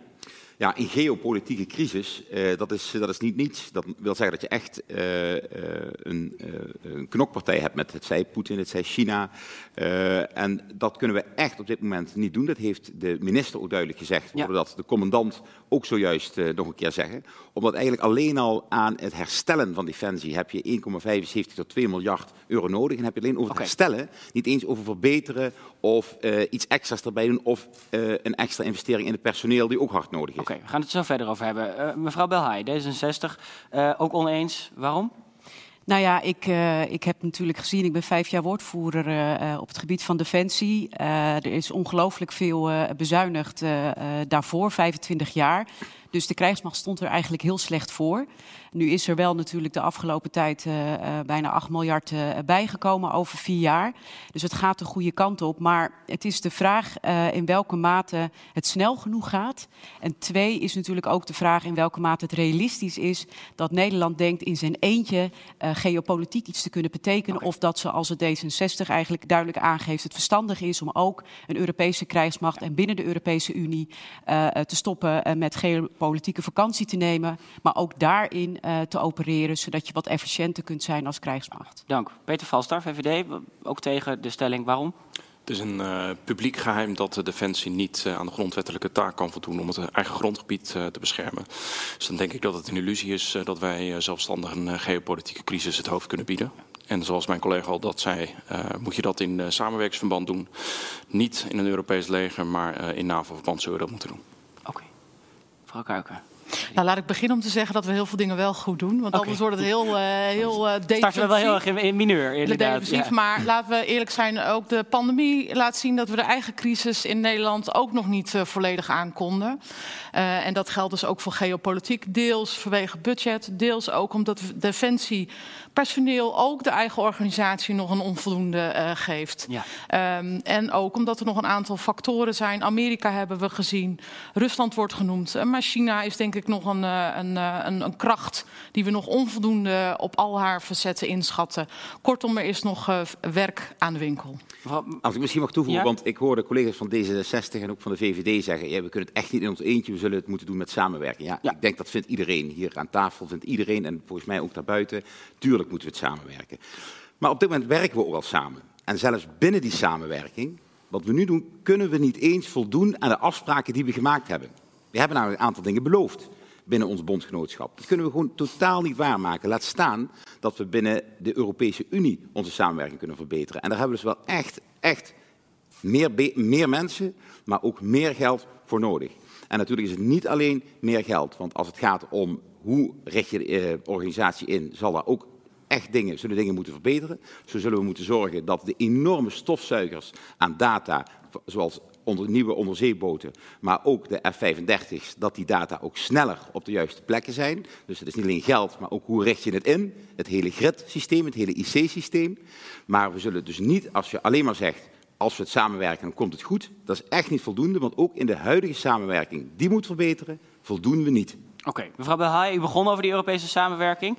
Eh, meer geld erbij. We moeten investeren in, in, het, in het systeem, in de, in, in de grid, in, in eh, de structuur. Ja. Is dat ook waar u aan denkt bij, bij Europese samenwerking? Nou ja, wij denken heel eh, open en eerlijk gewoon aan een Europese krijgsmacht. En dat is niet alleen omdat eh, D66 eh, de meest pro-Europese partij is. Dat heeft ook te maken met het feit dat het gewoon belangrijk is om heel realistisch om te gaan met de situatie. Ik bedoel, het materieel, eh, ondanks de investeringen, ondanks het harde werk eh, van de krijgsmacht, is gewoon nog niet op orde. Personeel is nog steeds eh, bijna 10.000 aan vacatures. Demografisch gezien moet je je afvragen of je überhaupt een grotere krijgsmacht kunt opbouwen. Hè? Al zou je het heel graag willen, of, of, of wat de heer Van De Helft mensen eh, hebben we aangeeft. simpelweg niet alleen in huis. Precies, dus waar het om gaat is, en kijk, die defensievisie, echt mijn complimenten. Alleen het nadeel is, en wat ik, wat ik eigenlijk had gehoopt, is het feit dat er geen duidelijke keuzes zijn gemaakt. En dat eigenlijk alles en, en, en, en, en, en, en, en, werkt gewoon niet, vooral niet met een verzwakte krijgsmacht. Dus het is belangrijk om te kiezen, waar is Nederland goed in? Wat betekent dat voor diverse krijgsmachtsonderdelen, wat daarvoor nodig is? En investeer daar goed in. En durf dan ook te zeggen, als er een ander land is wat daar beter in is, dan laat je dat over aan het andere land. Het is niet reëel om te dromen van een krijgsmacht waarin, waarin we alles kunnen. Dat gaat gewoon niet. Al zou je dat met alle goede wil van de wereld willen. Ik zie mevrouw eh, Kuik ook, knikken bij, bij de woorden van, van uw collega. Nou, ja en eh, nee. Ik ben eh, wat kritisch over de nota eh, die eh, nu voor ligt. Want feitelijk vind ik hem niet heel erg nou, verfrissend ten opzichte van de nota die er al lag bij voorganger Janine Hennis. Ook qua budget. Eh, denk ik dat de krijgsmacht wel wat vooruit is gegaan. Maar we zijn Ja. natuurlijk nog niet na- naar, de, de, eh, naar het budgetplafond waar we moeten komen. Is in de afgelopen 25 jaar ook niet gebeurd hoor. Ook niet in de vorige kabinetsperiode, ook- maar nee, pas in nee, daarom. deze. Ja. Dus ik bedoel, we hebben dus met elkaar nog wel wat te doen. Dus het staat in veel eh, eh, programma's, maar daar moeten nog echt stappen in gezet worden. Ja. Maar ook al verhoog je het budget, zul je dus wel echt scherpe keuzes moeten maken. Eh, zeeboten eh, lag vier jaar geleden al voor en was uitgewerkt. Er zijn geen keuzes ingemaakt. Eh, dus kortom, het kan niet bij algemeenheden en vaagheden en beloftes blijven. En wat voor keuzes moet- moeten er dan nu gemaakt Nou ja, worden? Wat zijn de meest prangende keuzes die nu Eh, gemaakt ik, worden? vooral de inzet van dat geld. Hè. Dus als er meer budget komt, ik denk dat daar een meerderheid voor te vinden is. Maar dan moet je wel scherpe Ja. keuzes maken. Want je bent in de komende vier jaar ook nog lang daarna niet van wat je eigenlijk je streven zou willen zijn. En ik zou zeggen, maak dan in ieder geval af waar je mee begonnen bent. Investeer daarin waar we goed in zijn. Dat is maritiem. Eh, en eh, doe dan in ieder geval de keuzes die al voorlagen. Maak die dan ook af, zoals de zeeboten. En investeer in eh, ja, echt in informatie en technologie. Maar die hebben niet stilgezeten, even voor de helderheid. Ja, Ja, maar- De onderzeebotendiscussie is een hele complexe discussie. En ik vind het heel belangrijk dat we dat heel zorgvuldig doen. Ja. Er is wel een zorg, omdat we nu eigenlijk toch wel zoveel vertraging gaan oplopen. dat tegen de tijd dat de huidige onderzeeboten eruit gaan. dat je misschien dan nog de nieuwe niet hebt. Maar het is niet zo dat we de afgelopen vier jaar niks hebben gedaan. Uh, en er zijn keuzes gemaakt, of althans, de definitieve keuze moet natuurlijk nog gemaakt worden voor wie, uh, wie ze mag leveren. Ja. Dus dat wilde ik even corrigeren. Ja, Oké, okay. uh, dat, dat gezegd hebben. Maar... Weet, weet wie ook nog een voorstander van het Europese leger is? Dat is meneer Poetin. Die vindt dat ook fantastisch als wij een Europees leger krijgen. Want die weet dat wordt één papieren tijger en dat gaat hem niet worden. We hebben ook helemaal geen NAVO-leger. Dat is dus helemaal niet nodig. Wat we wel moeten doen, is op sommige punten beter samenwerken. Absoluut, want als je alle defensiebegrotingen bij elkaar legt in Europa, hebben we veel meer te besteden aan defensie dan Poetin. Maar als het echt tot knokken wordt, wordt het heel lastig om een deuk in een pakje boter tegen ja, deze... Uh, meneer, meneer Vals, en dan mag u zeker zo reageren. Meneer Vals, daar een, een Europese defensiemacht, een Europese krijgsmacht? Nee, ik heb het, ik heb het net al in mijn inleiding uh, gezegd, buiten uh, dat het ook in de grondwet is vastgelegd, artikel 97, dat de regering altijd gaat over de eigen krijgsmacht. Ja. Dus dan zou eerst de grondwet moeten veranderen. maar dat kan toch? Dat, dat, dat kan, moet je twee kabinetsperiodes overheen laten gaan. Het kan, hè, alles kan uiteindelijk. Maar ik zie het ook niet gebeuren dat wij onze mannen en vrouwen met een blauwe patch met een paar sterren op de arm het veld insturen. Oké, okay. ja, het zijn altijd... dat wel gebeuren volgens mij. Ja, nou, het zijn ook altijd een beetje de flauwe retorische, uh, platte retoriek om aan te tonen waarom het niet kan. Terwijl ik, ja, ik ben van D66. Als je iets vindt, moet je het kunnen uitleggen. Ik heb het ook uitgezocht. Het is eigenlijk heel simpel. Op dit moment zijn er al uh, civiele militaire missies. Die mensen hebben een Europees vlaggetje op hun arm, kan ik u alvast vertellen. Twee, terwijl wij, of wij, anderen nog steeds een beetje ontkennen van ja, het is belangrijk om het te hebben over Europa uh, en een krijgsmacht is het op dit moment zo dat er een buitenland- en veiligheidsbeleid is in Europa. Dat er geld vrijgemaakt is, wat European Peace Facility heet, om militaire missies te kunnen doen. Er is een uh, budget vrijgemaakt om gezamenlijk militair uh, materieel aan te schaffen. Dat is wat er op dit moment gebeurt. En ik vind dat goed als D66er, omdat ik denk dat het uh, niet slim is om te denken, als er ergens een conflict is, dan gaan we wel uh, zeggen van dat vinden we niet goed. Of we roepen wel iets, uh, de heer Van Helft is ook buitenland voeren, iets naar Rusland of iets naar China. Maar als je dan vervolgens zou moeten leveren als Europa, als je daar ook iets aan wil verbinden, dan geeft niemand thuis. En dat vind ik eigenlijk zelf altijd een zwaktebod. En sterker nog, je mag mij aanvallen op het feit dat ik ideeën heb. Maar ik hoor van de andere kant eigenlijk totaal geen ideeën hoe om te gaan met die verzwakte krijgsmacht, met die dreigingen van China en uh, Rusland. Uh, met het gegeven dat er in Brussel ongelooflijk veel gebeurt. Meneer Van Helver, dat klinkt maar, niet als een, een papieren tijger. Wat wil u wel? Hoor. Ja, dat is het waarom natuurlijk wel. Dat, waarom bent u daar wel bang uiteindelijk zal Nederland altijd zelf bepalen of onze vrouwen en mannen ergens naartoe gaan of niet en of ze terugkomen. En de beoordeling daarvan ligt ook altijd bij Nederland. En dat wil ik ook zo houden. Waarom is dat zo belangrijk? en dat, omdat, we dat ook, omdat wij omdat het staatsburgers zijn van Nederland en wij bepalen of iemand namens de regering ergens in de gevaarlijkste situaties moet gaan vechten voor de vrede en veiligheid. Dat bepalen we zelf. En dat doen we ook binnen de NAVO op die manier. En dat vind ik een beter systeem dan dat uh, een Europees instituut bepaalt of Nederlandse mensen. Maar dat is niet zo, sorry. Dat is en daarnaast, ja, wacht even, maar daarnaast, maar daarnaast ik, ik de gelegenheid ook, om nog even te reageren. Maar, maar eerst het, even het, het, het, punt wat hier uh, gesteld wordt, is dat uh, er wordt gezegd, weet je wat, we verdelen de taken een beetje. Griekenland doet straks de boten, Duitsland doet straks F-35's. Uh, Frankrijk doet de, uh, de, nucleaire boten. Nou, dan zo verdelen we en wij doen daar ook wat. Het is wel ja, een beetje een afleidingsstrategie die hier gevolgd maar dat is, dat is, nee, nee, maar dat is, dat, is, ik, dat is echt niet voldoende. Want uh, je zult, je moet, het klinkt altijd goed, je moet keuzes maken. We ja. kunnen niet alles. Nou, in eerste instantie zullen we wel een heleboel en, en, ja, maar, en. Maar, okay. Want we liggen gewoon heel erg achter. En daar hoort budget bij. en dat is D66 gewoon ja. niet bereid te doen. Oké, okay, maar dat, dat, dat, is ook niet als waar. Eerste, als eerste een korte Ja, maar voordat de mensen denken dat dat uh, zo is... en, de, en meneer Helft heeft er wel vaker een handje van om af en toe even zoiets te roepen over een andere partij. Vind ik onprettig. En ik vind het ook niet juist. Uh, u weet de doorberekening van ons verkiezingsprogramma niet. Dus het lijkt me fijn als u vooral uw verhaal vertelt... in plaats alleen maar bezig te zijn um, waarom D66 een visie heeft... en dat u het er misschien niet mee eens bent. Vertel gewoon uw eigen verhaal. Oké, okay. nee, uh, dit, dit, gezegd, nou, dit gezegd hebben, dan wil ik als eerste naar mevrouw Kuijs. Nou ja, het leidt ook een beetje af van de discussie. Want dan ga je discussiëren over wel of niet meer Europese samenwerking. Het vraagpunt natuurlijk is, doet Nederland voldoende? Even losgezien of je dat Europees doet of niet... ten ten aanzien van de geopolitieke situaties. Als ik alleen al China neem, als ik zie dat we allerlei spionagemateriaal zelf nog inkopen, douane, uh, uh, informatiepositie, nou dan maak ik me zorgen. En u zegt... Als ik zie wat er gebeurt op onze Nederlandse universiteiten, welke rol China daarin speelt en dat we eigenlijk machteloos staan, dan maak ik me zorgen. Ja. Als ik zie welke inlichtingencapaciteiten uh, die we hebben ten aanzien van China, dan maak ik me zorgen. Het is niet voor niets dat het hier opgebracht wordt bij de inleiding. Nou, dan denk ik dat we met elkaar allemaal nog wat te doen hebben. En vanuit die bril zou ik het willen bekijken. Dus je kunt kunt heel, Dat erg, eh, je kunt heel filosofisch met elkaar discussiëren. Maar volgens mij, als je mij vraagt, zijn we daarop voldoende voorbereid, losgezien van Rusland? Dan zeg ik nee. Ja. En dan wil ik me dus als Partij van de Arbeid inzetten om dat wel eh, te realiseren. En dit leidt een beetje eh, wat, af moet van er dan, wat moet er dan wel gebeuren? Wat moet er dan wel Ik moet nog even reageren op niet dat leuk- misverstand Wacht, wacht dat, even. dat nee, wa- Brussel... wa- wacht even, want nu gaan we allemaal door elkaar praten. Als eerste de vraag, wat moet er dan wel gebeuren? En dan mag u straks het misverstand ook uit de wereld helpen. Kijk, en er zal toch echt geld bij moeten. Want we moeten niet alleen defensie herstellen. Dus je kunt allerlei mooie dingen zeggen. En dat kun je filosofie noemen, maar er moet wel geld bij. Gaan we het straks- Personeel gaan moet we het meer straks geld. over hebben. Ja maar, Ja. maar dan moet je wel ook boter bij de vis doen. De Partij van de Arbeid, die zeggen ja, defensiebudget moet omhoog. Maar niet hoeveel en wanneer. Is dat 1 euro volgend jaar? En wat zegt uw partij daarover? Wij zeggen 2% zeiden we aanvankelijk in het programma binnen 10 jaar. En dat is versneld in het congres door een amendement waar ik zelf aan mee heb gewerkt naar zo snel mogelijk. We zullen dus echt snel, echt substantieel meer geld uit moeten doen. En als ik dat mag vergelijken, want mevrouw Bella, je vindt het dan wel niet leuk bij D66. Maar D66 zegt bijvoorbeeld wel 7 miljard extra aan onderwijs, 3 miljard gratis kinderopvang. Hartstikke mooi. Wie wil het niet? Maar dat is wel evenveel als bijna het hele defensiebudget op dit moment. Daar wordt het wel gedaan en bij defensie niet. Dank u Nou, wel. Als eerste meneer Valstar nog. En dan sluiten we af bij mevrouw Belhaai. Omdat een misverstand wat u heeft gehoord. eh, ik heb het niet per se gehoord, maar u heeft het gehoord. Uit de wereld te helpen. Eh, maar eerst meneer Valstar. Wat is er wat u betreft nou echt nodig om ervoor te zorgen dat we straks wel voldoende voorbereid zijn? Nou, ik ben wel blij. eh, Als je eh, dit debat tien jaar geleden had gehad en met deze partijen hier had gestaan, dan hadden we er echt heel anders voor gestaan. Eh, het CDA zou bezuinigen, VVD zou bezuinigen. Deze partijen zouden nog iets meer bezuinigen. En het is nu al winst dat deze partijen eh, er gewoon meer geld bij willen hebben.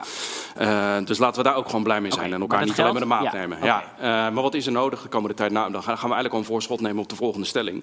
Het is ook in de defensievisie al eh, gezegd, dan is er 13 tot 17 miljard nodig. Ja. Wil je eh, als eh, defensie eh, volledig toegerust zijn? Los van dat geld. Deze periode. Wordt er gesproken over keuzes. Wat, wat Ja. zijn die keuzes die gemaakt moeten worden? Nou, is dat we de komende periode moeten investeren om naar het Europees NAVO-gemiddelde Oké, eh, te dat is wat u komen. betreft het belangrijkste. Ja, ja. Helder. Mevrouw Belhaai, u Ja. sluit deze stelling af. Toch even het, het grote misverstand. Kijk, als er besloten wordt om deel te nemen aan een militaire missie, dan maakt het kabinet het besluit. Hè? Het is niet in- zoals in Duitsland dat het parlement dat doet, dat doet het kabinet. Ehm, ik heb een eh, initiatiefnota geschreven over de Europese krijgsmacht vanwege terecht kritische vragen en opmerkingen die er gemaakt zijn. En wat heb ik daar op een gegeven moment ook voorgelegd? Dat is namelijk dat er gewoon bij een Europese missie ook een artikel 100 procedure betekent dat je met de Kamer praat over onder welke omstandigheden. En dus dat het parlement, hoewel we formeel nooit instemmen, degelijk wel daarover gaat. En het ook kan evalueren en ook in samenspraak met Brussel goed toezicht kan houden over de eigen militairen. Zoals we dat ook doen bij Ja. NAVO, zoals we dat ook doen bij VN-missies. helder. Dat Ja. is dan helder. Dank u wel voor eh, die eh, laatste opmerking in dit debat. Over de stelling Nederland is wat defensie betreft voldoende voorbereid op een geopolitieke crisis. U leek het allemaal met elkaar eens eh, wat betreft standpunt, maar dat bleek toch in de praktijk heel anders uit te pakken. Dat geeft mij hoop voor de, de rest van de stellingen. We gaan naar de tweede. Het defensiebudget moet minimaal verdubbelen. En voor de duidelijkheid hebben we daar even bij gezet. 11,5 naar 23 miljard euro. Als eerste aan u de vraag, bent u daarmee eens of bent u daarmee oneens? Ik zie eens, eens, oneens. Nou, ik, ik, mag het toelichten zo- natuurlijk. Ja, Eh, Oké, dan gaan we bij u beginnen. Ik hou er nooit zo van als het nou... Ja, is het nou eens of oneens? Wat- Nou, laat ik het zo. Ik wil me niet zo vastpinnen op exact het bedrag. Maar wij Ah, hebben wel heel ja. duidelijk gezegd dat het echt naar 2 procent eh, moet. Oké, Eh, omdat het budget, er is inderdaad in de afgelopen vier- 25 jaar is erop bezuinigd. We hebben gezien dat het nu onder een ondergrens Ja. eh, ging. Eh, militairen ook te weinig beloond eh, worden. Eh, vaak alle trainen een probleem is omdat er gewoon gebrek is aan, aan kogels. Ik bedoel, zo simpel u is wilt het. zich niet op dat bedrag vastpinnen, maar u zegt Ik wel, zeg we gaan wel- die 2% toe. Het kan inderdaad niet zo zijn als we nu in de onderste lijstjes van Europa bundelen. Dus daar moeten we echt wat aan doen. Dus als wij de kans zouden krijgen om tot een akkoord te komen, dan is dit iets wat echt fatsoenlijk en goed bediscussieerd moet worden. Oké. Maar daarom zei ik even, ik, daarom deed ik een beetje zo. Dank. Meneer Valstar. Ja, volgens mij behoeft de eh, stelling verder geen toelichting. Eh, het moet eh, inderdaad minimaal verdubbelen. Nou, dat eh, laten we realistisch zijn. Dat zal niet de komende kabinetsperiode eh, eh, gebeuren. Maar wil je op termijn een eh, volledig en goed uitgeruste defensieorganisatie hebben, dan zal dat eh, minimaal moeten verdubbelen. Ja. Oké, meneer Van Helft, u bent het daarmee eens? Ja, eenmaal mee eens. Op dit moment eh, geven we 1,75 euro per persoon per dag uit om ons land te, te beveiligen. En eh, dat is eigenlijk heel erg weinig, want voor dat geld sturen we onze vrouwen en mannen naar de meest gevaarlijke gebieden waar ze dingen moeten doen onder situaties die Nederlanders die dat beroep niet hebben zich niet kunnen voorstellen. Ja. En eh, dat moet dus echt omhoog. En mevrouw Belhaai. Ja, Oneens. ik nam, het, ik nam het eigenlijk letterlijk, omdat volgens mij, eh, als je dit nu zegt, dan vind ik dat je dat ook in je verkiezingsprogramma moet staan eh, hebben. En dat betekent dus inderdaad letterlijk een verdubbeling. En zo staat het niet in het verkiezingsprogramma van D66. Nee, maar volgens mij bij de anderen ook niet. En ik denk wat, wat eh, belangrijk is, is dat je eerlijk bent over wat je wil. Hè? Dus ook wat de commandant de strijdkrachten aangaf. Be- een bepaalde politieke betrouwbaarheid, dat is waar de krijgsmacht het meeste aan heeft. Ja. Twee, er zijn ook heel veel ja, eh, debatten geweest natuurlijk over die 2 Ja. Eh, En, en, even voor de duidelijkheid, als we het over de 2% hebben, Ja, dan is het hebben we een- het over het het, is een- defensiebudget van 2% van het BBP. Ja, maar er zitten twee dingen in die, die altijd toch even benoemd moeten worden. Dat is namelijk dat eh, premier Rutte ooit in 2014 eh, hè, heeft ondertekend. en er staat aim, dat betekent je richt je op die 2%. Dat heeft hij gedaan. Hè, zo van, dat is goed, dan zijn we betrouwbaar naar de NAVO. Hij is vervolgens teruggekomen naar Den Haag. Maar hij heeft niet gezegd in het parlement, ik heb iets getekend en het kost 12 miljard per jaar. Ik vind dat als je iets tekent, dat je ook moet zorgen dat je het budget geregeld hebt. Dus daar is eigenlijk, vind ik, echt al iets fout gegaan. Waardoor we als onbetrouwbaar land overkomen. Twee, die, dat percentage krijgt zo'n eigen leven. Dat percentage is levensgevaarlijk voor de krijgsmacht. Wat je namelijk zegt is, afhankelijk van je bruto nationaal product... ga je investeren in de krijgsmacht. Dus als het weer slecht gaat, krijgt de krijgsmacht minder. Als het, straks, als het bruto nationaal product straks lager is, dan halen we die 2% makkelijker. Maar dan krijgt de krijgsmacht geen cent erbij. En dat is vanuit D66-perspectief waarom ik altijd moeite heb met die 2%. Er ligt een defensievisie, daar moeten we keuzes in maken. Wat past bij Nederland, wat is realistisch? Daar komt een budget uit. En daarvan zeg je met elkaar, dat gaan we Over doen, die- want dat is de grondwettelijke Ja, taak. maar over die defensievisie, eh, dat is nog wel is goed dat u dat noemt. Want ja, eh, de minister zegt zelf, als we echt al onze drie grondwettelijke taken goed willen vervullen, dan zullen we naar Ja. Eigenlijk een budget van 24 Ja, maar ze hebben daar geen keuzes 28 gemaakt. miljard euro toe moeten. Ze hebben daar geen keuzes gemaakt. En ik snap dat, want dat is complex. Het is echt een fantastische visie. Maar wat er nu moet gebeuren is een slag eroverheen. Dat moet je toetsen aan de grondwet. En dat is het bedrag wat eruit komt. Hou op met die percenta- percentage. Dat is echt levensgevaarlijk voor de stabiliteit van de krijgsmacht. Mevrouw Nou, wilde de- reageren. Ja, Defensie was ook om die reden zelf wel kritisch op die visie. Om, eh, dat, hè, want als je het inderdaad allemaal doorrekent, zit je tegen die 28 miljard. En daar, nou ja, daar is het geld in ieder geval nog niet eh, bijgetrokken. En daarom moet je inderdaad wel voorzichtig zijn met verwachtingen eh, eh, te wekken. Eh, maar er is natuurlijk ook wel vaker gesproken dat je niet zozeer per kabinetsperiode, maar vooral voor de langere termijn zou moeten vaststellen wat Defensie nodig heeft. En dan kun je ook makkelijker een 2%-norm nastreven. Is het wat minder afhankelijk van crisissen? Is het wat minder afhankelijk van eh, wat is een politieke kleur die erin zit? En laten we wel wezen, we hebben heel veel crisis gehad over Defensie, maar het ging nooit over het budget. Het ging altijd welke missie wel, welke missie niet, of over informatievoorziening. Eh, dus ik denk dat een beetje rust en stabiliteit daar ook bij zou kunnen helpen. Misschien wel goed om te zeggen dat eh, de 2% niet zomaar even een percentage is dat we dus ergens eventjes eh, schrijven en dan moeten we dat allemaal doen. Dat is gebaseerd op eh, de afspraken die zijn gemaakt, die wij hebben gezegd binnen de NAVO te zullen vervullen.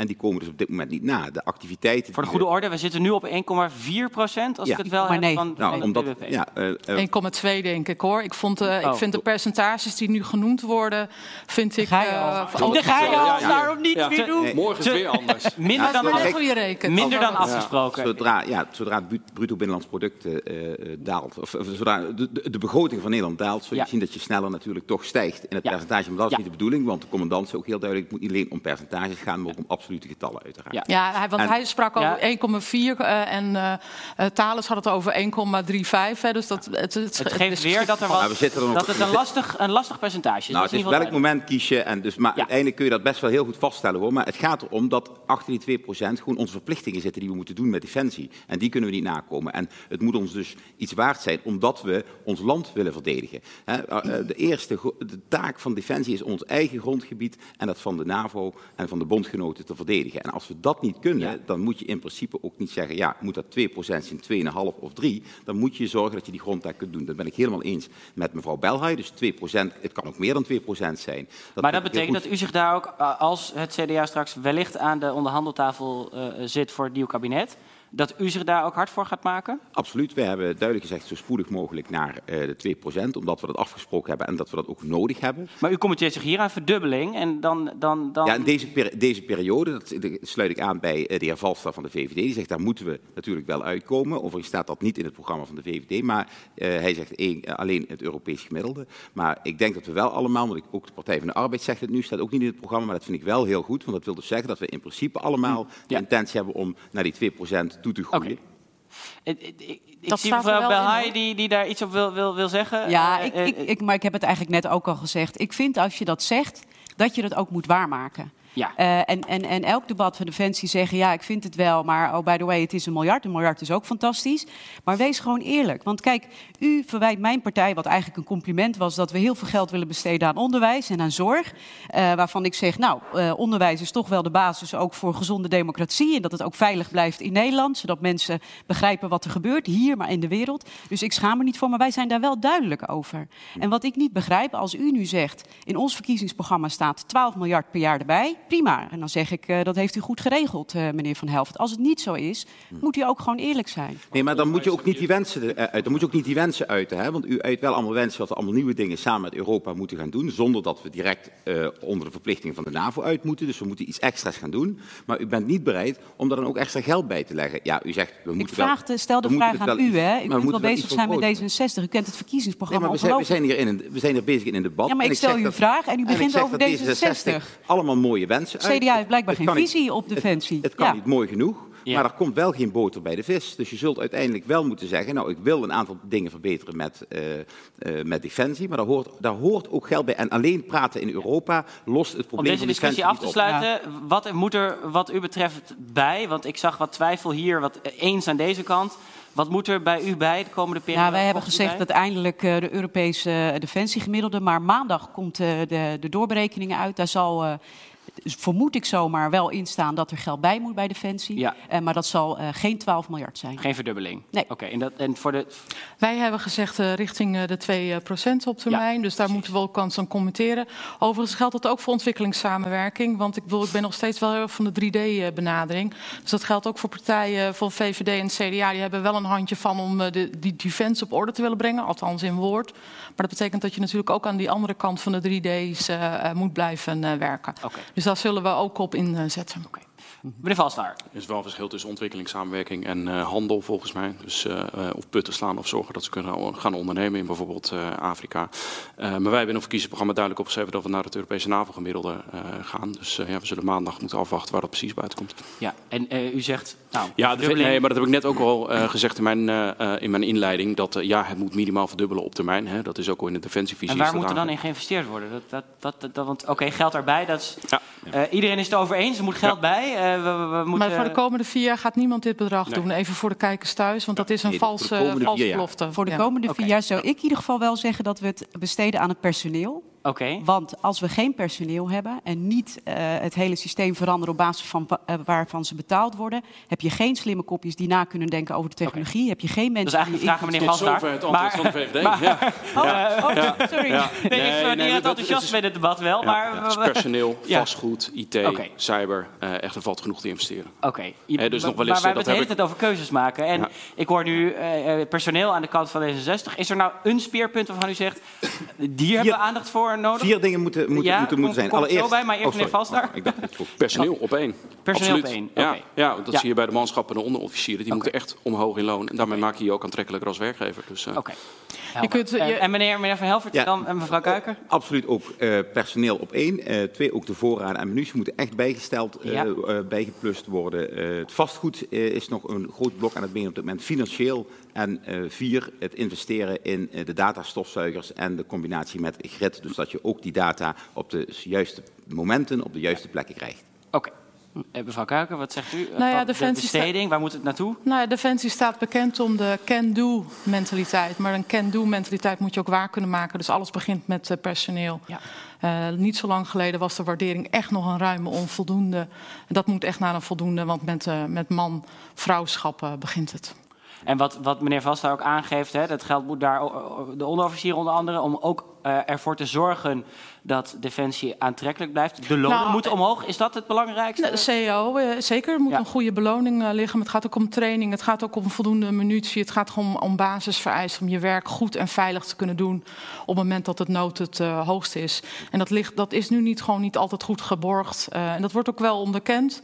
Maar er wordt nog niet altijd naar gehandeld. Eh, en ik denk dat dat eh, echt wel een, eh, echt een belangrijk speerpunt Dus is. je hoort het Maar al, er gaat veel geld naar over- defensie de komende jaren.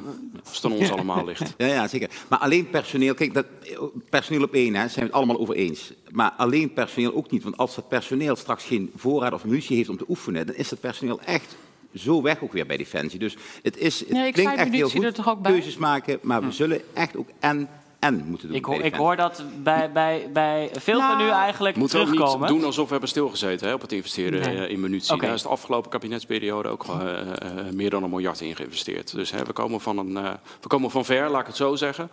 Eh, maar we moeten niet doen alsof nu alle schappen eh, eh, Maar blijven, we- laten we vooral ook blijven investeren in hetgene waar we goed in zijn. Eh, maritiem, eh, intelligentie eh, verder blijven ontwikkelen. Eh, trainingen ook niet vergeten.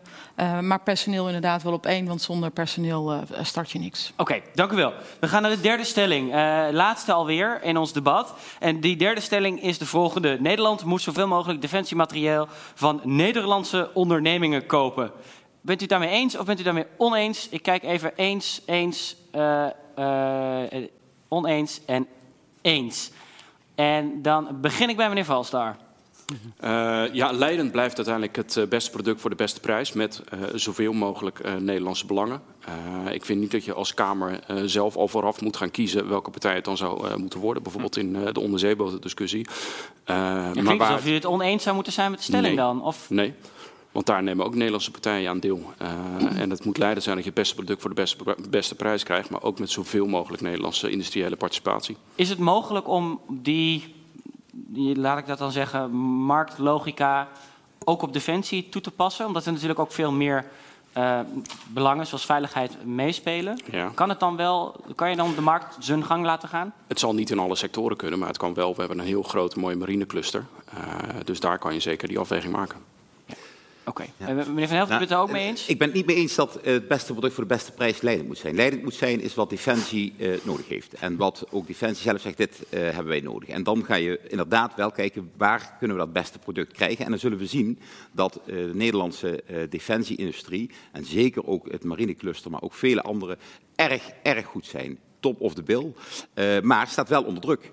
Eh, omdat het natuurlijk sowieso een lastige tijd is. En ook kleinere bedrijven wel ook op moeten boksen tegen een heleboel staatsgesteunde bedrijven op andere plekken in Europa. Dus juist nu moet de overheid ook laten zien dat we de goede producten die wij in Nederland hebben ook willen versterken en willen uit laten bouwen. Ook als mogelijkheid voor export, omdat Nederland het wel heel erg goed kan. We hebben het voorbeeld gezien van T-Minus Engineering met de rocket drone. Nou, hij staat er nog. Ja, zeker. Eh, eh, En daar ben ik wel wat Is er teleur- iets wat de politici kunnen Ja, doen, zeker. wat u als Tweede Kamerleden of aanstaande Wij zullen dus echt Kamerleden gebruik kunt doen? Ja, we moeten echt gebruik maken. Ja, we moeten echt gebruik maken van het recht wat je hebt om niet alles te hoeven aan te besteden als het om, eh, eh, als het om defensie gaat. Nou, is bijvoorbeeld als je het hebt over de onderzeeboten, wordt het officieel wel via artikel 346 wordt gezegd dus dat, dat die regel dat je het niet Europees zou hoeven aanbesteden, maar vervolgens doen we het eigenlijk wel. Dus het is eigenlijk alsof je een soort hybride auto koopt en toch maar steeds ben- benzine tankt, omdat Ja, de baas het toch betaalt. En dat vind ik, en dat vind ik echt eh, onterecht. Een korte reactie van meneer hybride Valstar. auto is wel iets goedkoper dan eh, vier onderzeeboten. Eh, maar ik wil ook wel aangetekend hebben dat ik volgens mij letterlijk net hoor zeggen dat u eh, Defensie in ieder geval niet de best, het beste product voor de beste prijs gunt. Dus ja, vind Nee, maar ik moet merkwaardig, ik uitgangspunt. je, moet, je moet het beste product hebben. En je, Ja, maar maar als, je, als je denkt dat er sprake is van een eerlijke marktwerking binnen Defensie, ja, dan heb je echt onder een steen gelegen. En dat klinkt heel goed, ik weet het. Maar zeker ook aan borreltafels. Maar dat is bij Defensie niet het geval. Want als je met, voor onderzeeboten met een bedrijf als Naval werkt, is het gewoon een staatsgesteund bedrijf. Ja. En dat is dus geen eerlijke marktwerking. En de Nederlandse marinebouw, die zitten maar te wachten totdat de overheid een beslissing neemt en moeten al hun investeringen blijven doen. Ook nog eens verspreiden over drie werven. Op dit moment die moeten mensen over drie werven verspreiden. En nou, Naval denkt, nou, maakt ons niet uit. Een jaartje extra langer wachten, nog drie, maakt niet uit. Dus de Franse staat betaalt wel bij. Dus, en daarmee maken we ons eigen cluster kapot. En dat wil dus zeggen dat niet beste product, beste prijs. Maar dat wat Defensie nodig heeft, Ja. eh, leidend moet zijn. Oké, mevrouw Kuiken was, ook, eh, eh, was het ook eens met deze stelling. Dus u krijgt nu als volgende spreker het woord. En daarna ben ik benieuwd naar mevrouw Belhaai en waarom zij oneens heeft gestemd op deze stelling. Nou ja, er werd eh, eerder in de presentatie al gesproken over de gouden driehoek. Als je kennis, bedrijfsleven en overheid aan elkaar koppelt, heb je de, de mooiste kansen te pakken. En ik kijk er ook vanuit een veiligheidsaspect naar. Ja. Want eh, het gaat natuurlijk niet alleen maar over eh, staal. Het gaat natuurlijk ook over hoge mate van eh, eh, hele eh, eh, intelligence, eh, eh, hele specifieke eh, kennis, eh, die ook misbruikt kan worden in foute handen. Eh, dus ik denk dat het ook een belang is dat je dat zoveel mogelijk op Nederlandse, dan wel Europese markt.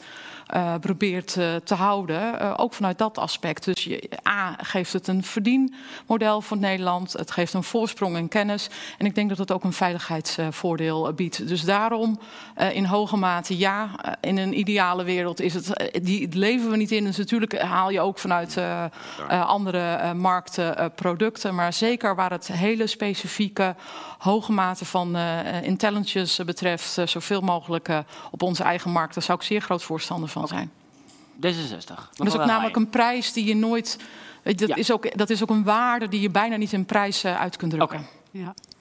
Ja, ik had uh, tegengezegd, ik, ik kijk gewoon een stelling en dan geef ik antwoord. Hè. En daarna kan je dan inderdaad toelichten. Kijk, we hebben net een prachtig Nederlands uh, bedrijf, uh, de CEO, mogen horen spreken van Thales. Die eigenlijk ook zei, door, door de regels heen, uh, te zeggen van goede producten te hebben. En met liefde uh, de concurrentie aan te gaan met anderen als je een fantastisch product hebt. Ja.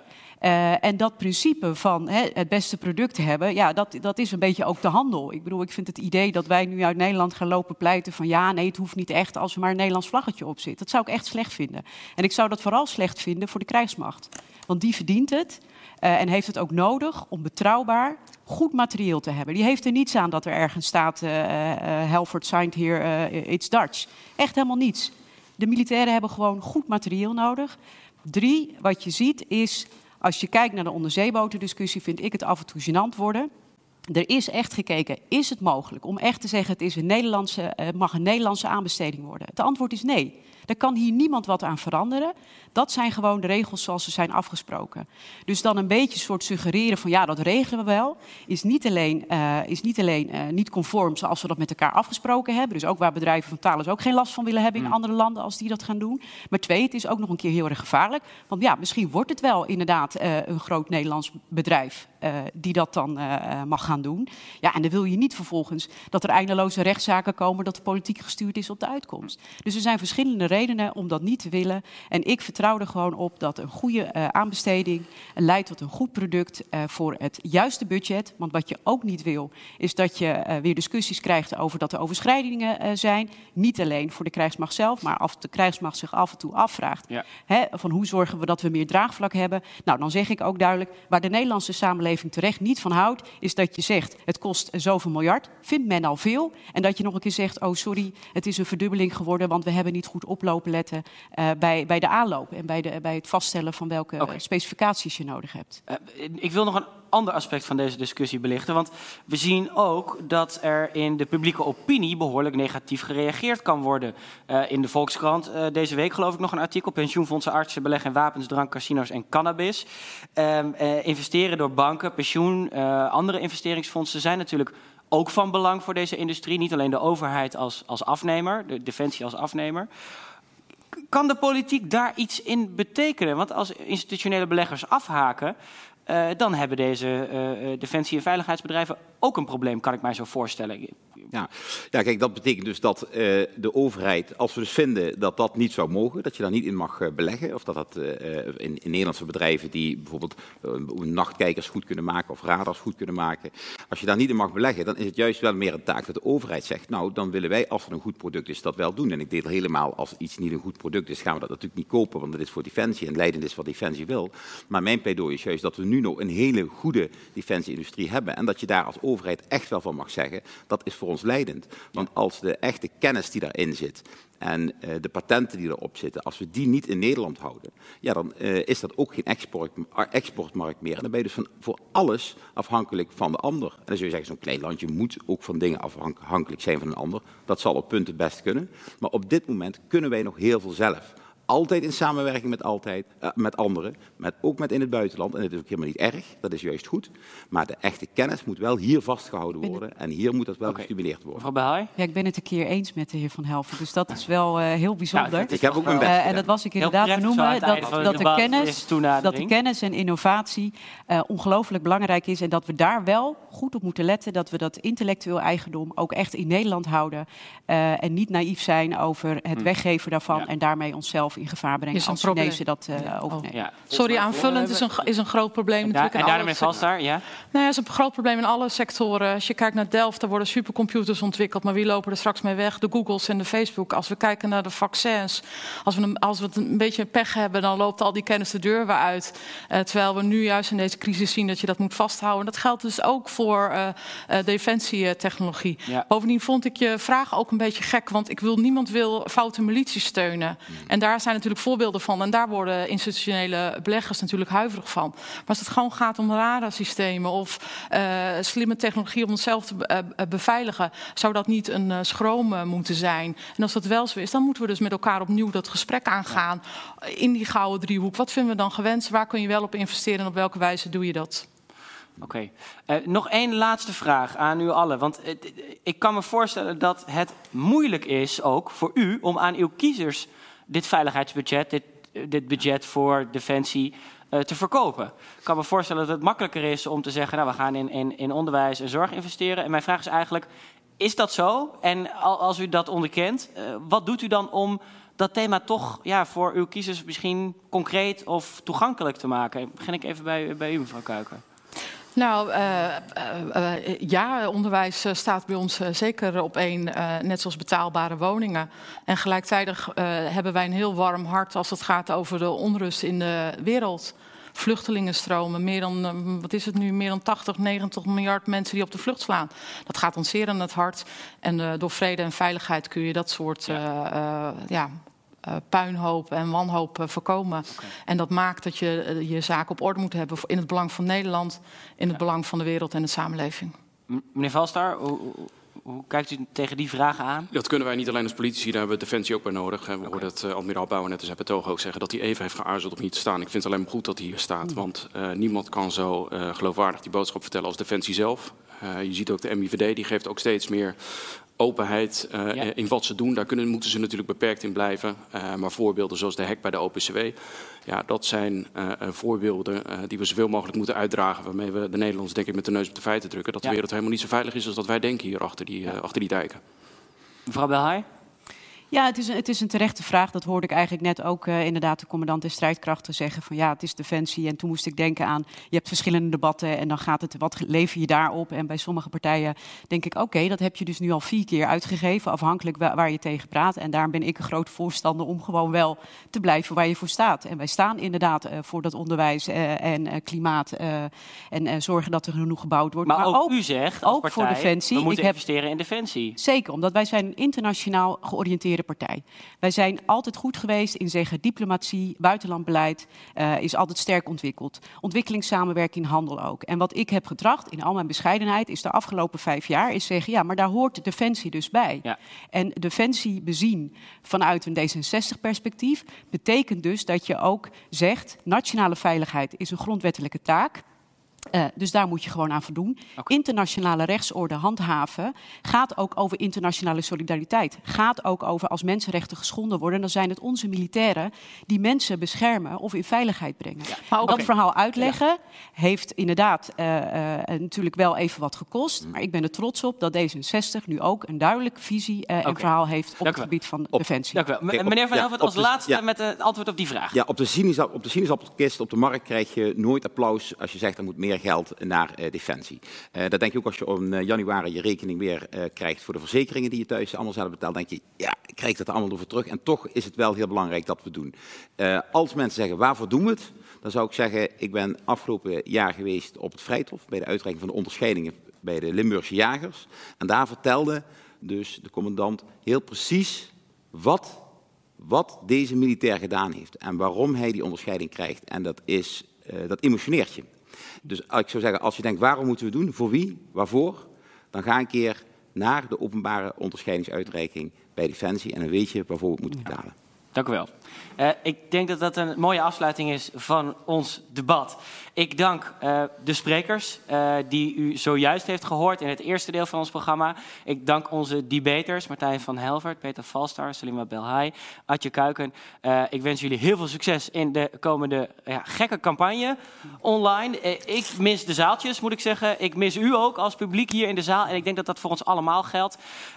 we doen het maar even zo, dames en heren. Ik hoop dat u er wat van heeft opgestoken. Ik hoop dat u goed geïnformeerd uw keuze kunt maken straks bij de Tweede Kamerverkiezingen. En ik zeg nog even uh, uh, hartelijk dank aan Elsevier om uh, dit te organiseren in samenwerking met de NIDV. En ook bij EW kunt u straks dit terugkijken. Dus we hebben de opname nu afgerond zo dadelijk. En dan kunt u hem vrij snel terugvinden. En natuurlijk het verslag in het weekblad komende week. Tot ziens en dank u wel.